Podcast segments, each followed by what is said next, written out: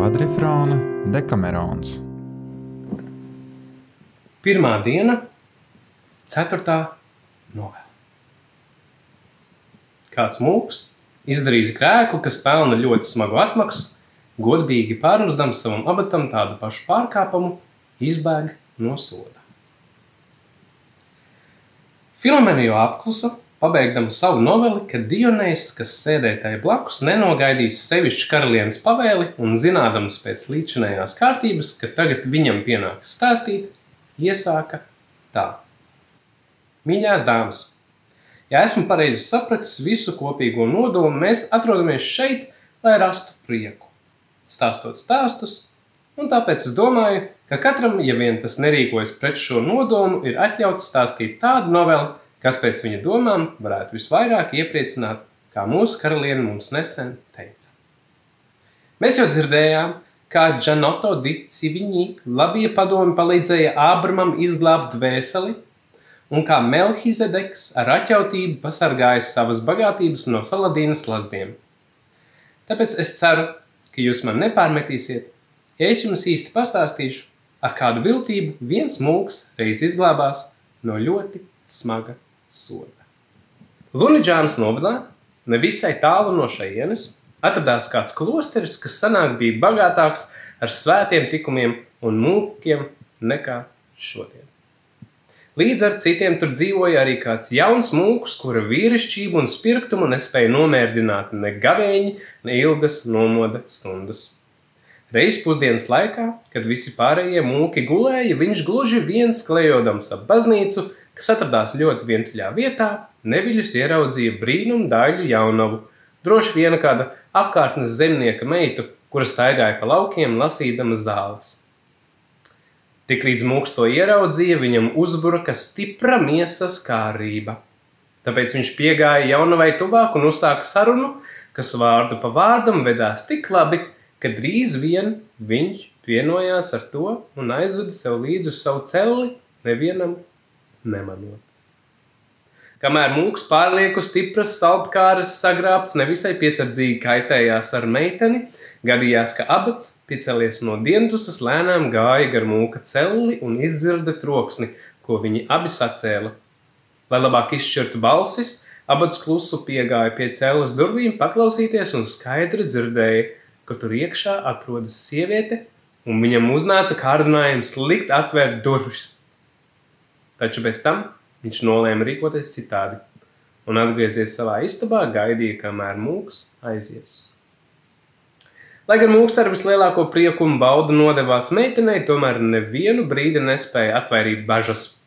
Izdzirdis itin kā soļus švīkstoņa guļam telpā, viņš pielika aci pie kādas nelielas spraugas un pavisam skaidri redzēja abatu stāvam un klausāmies. Un viņš ļoti labi saprata, kāpēc varēja nojaust, ka šī meitene atrodas viņa cellē. Zinādams, ka saņems par to smagu sodu, mūks ļoti noskuma. Tomēr ne mazākajā mērā neizrādīdams meitenei savas bēdas, viņš ātri pārdomāja dažādus līdzekļus, pūlēdamies atrast kādu ceļu uz glābiņu. Un pēkšņi viņam ienāca prātā neprasta viltība, kas noveda taisni pie cerētā mērķa. Izlikdamies, ka ne jau diezgan izpriecājies ar jaunavu mūks, viņai sacīja – Es iešu paskatīties, kā tev nepamanītai no šejienes izkļūt.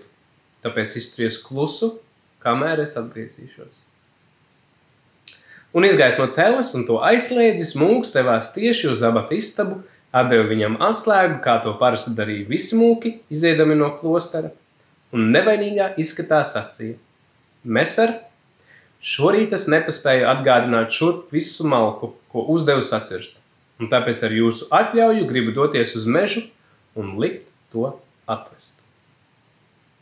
Lai pilnīgi varētu noskaidrot mūka izdarīto pārkāpumu, abats domādams, ka mūks nebūs pamanījis, ka viņš to novēro, nopriecājās par tādu izdevību, labprāt paņēma atslēgu un ļāva tam iet. Tikko abats redzēja, kā mūks aizgājis, viņš sāka pārdomāt, kā labāk rīkoties.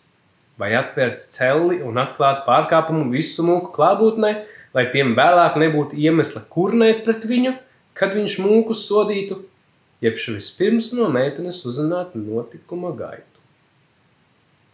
Un iedomājamies, ka tā varētu būt tāda sieviete vai tāda cilvēka meita, kam viņš negribētu sagādāt kaunu, parādot to visiem mūkiem. Abats nolēma vispirms apskatīties, kas tā ir, un pēc tam pieņemt lēmumu. Klusi piegājis pie celles, viņš to atslēdza, iegāja iekšā un aizslēdza durvis. Redzēdam ienākam abatu, jauno visam apjuka un baidinamās piedzīvot kaunu sāka raudāt. Uzlūkojas meiteni un redzēdams, cik tā jauna un skaista, mesers abats, lai gan pats bija jau vecs, pēkšņi sajūta nemazāk stipru miesas kārdinājumu par to, kādu bija sajūts jaunais mūks, un sāka pats sev iestāstīt. Kāpēc man nepieņemt prieku, ja es to varu dabūt? Nepatikšanas un bēdas, taču allaž man būs pieejamas, kad es pēc tām tiektos. Viņa ir skaista, jauna, un neviens cilvēks pasaulē nezina, ka viņa šeit atrodas. Ja man izdodas viņu piedabūt, izpildīt manu vēlēšanos, nesaprotu, kāpēc lai es to nedarītu. Vai to kāds uzzinās? Nekad un neviens. Un slepens grēks ir jau pa pusē piedots grēks, vai ne? Tāda izdevība varbūt nekad negadīsies, un es domāju, ka ir saprātīgi saņemt laimi, kad Dievs to tev sūta. Tā runādams, pilnīgi mainījis savu nolūku, kura dēļ bija šurp atnācis, viņš piesētās meitenei tuvāk, sāka to klusu mierināt un lūgt, lai tā neraudot.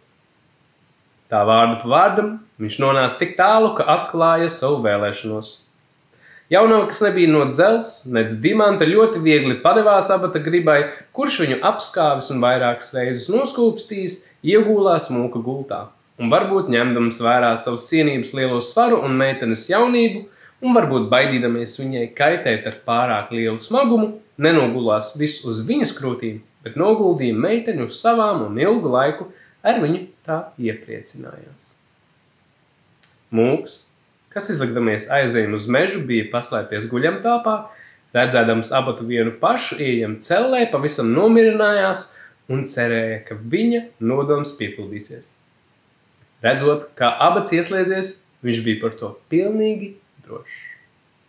Izlīdus no savas paslēptos, mūks klusi piegāja pie kādas spraugas, pa kuru dzirdēja un redzēja visu, ko abats darīja un runāja. Kad abatam likās, ka nu jau diezgan ilgi būs kopā ar meiteni, viņš ieslēdzas to cellē, atgriezās savā istabā. Mazliet vēlāk, dzirdēdams mūku nākam un domādams, ka tas tikko atgriezies no meža, viņš nolēma to pamatīgi izrāt un pavēlēt ieslodzīt, lai viņam vienam piederētu iegūtais laupījums. Licis mūku pasaukt, viņš stingrā izskatā izbāra to ar visbargākajiem vārdiem un noteica, ka tam jātop iemestam cietumā. Mūks viņam tūlīt atbildēja. Mester, es vēl neesmu tik ilgi svētā Benedikta ordenī, lai būtu paspējis pierādīt, pierast pie visām tām īpatnībām. Turklāt jūs mani vēl nebijāt pamācījis kā mūkam, Jānas, ne tikai gavēņa un nomoda stunda, bet arī sieviešu smagums. Taču tagad, kad jūs man to parādījāt, Es jums apsolu, ja vien jūs man šoreiz piedotu, nekad vairs negraugot šai ziņā, bet allaž darīt tā, kā redzēju jūs to darām. Abats būdams atjautīgs cilvēks, tūliņ saprata, ka mūks ne tik vien zināja vairāk par viņu, bet bija arī redzējis visu, ko abats darīs. Un tāpēc, jūsdams sirdsapziņas pārmetumus par savu pārkāpumu, abats kaunējās uzlikt mūkam sodu – ko pats tikpat labi bija pelnījis. Piedevis mūkam un pavēlējis klusēt par visu redzēto, abats kopā ar viņu uzmanīgi izveda meiteni no klostera un jādomā, vēlāk nevienreiz vien to tur atkal ieveda. Novelas beigas. Uh, sveiki! Man sauc Mārtiņš. Dzīvot mēra laikā galu galā Kas cits atliek? Atpakaļ pie karantīnas.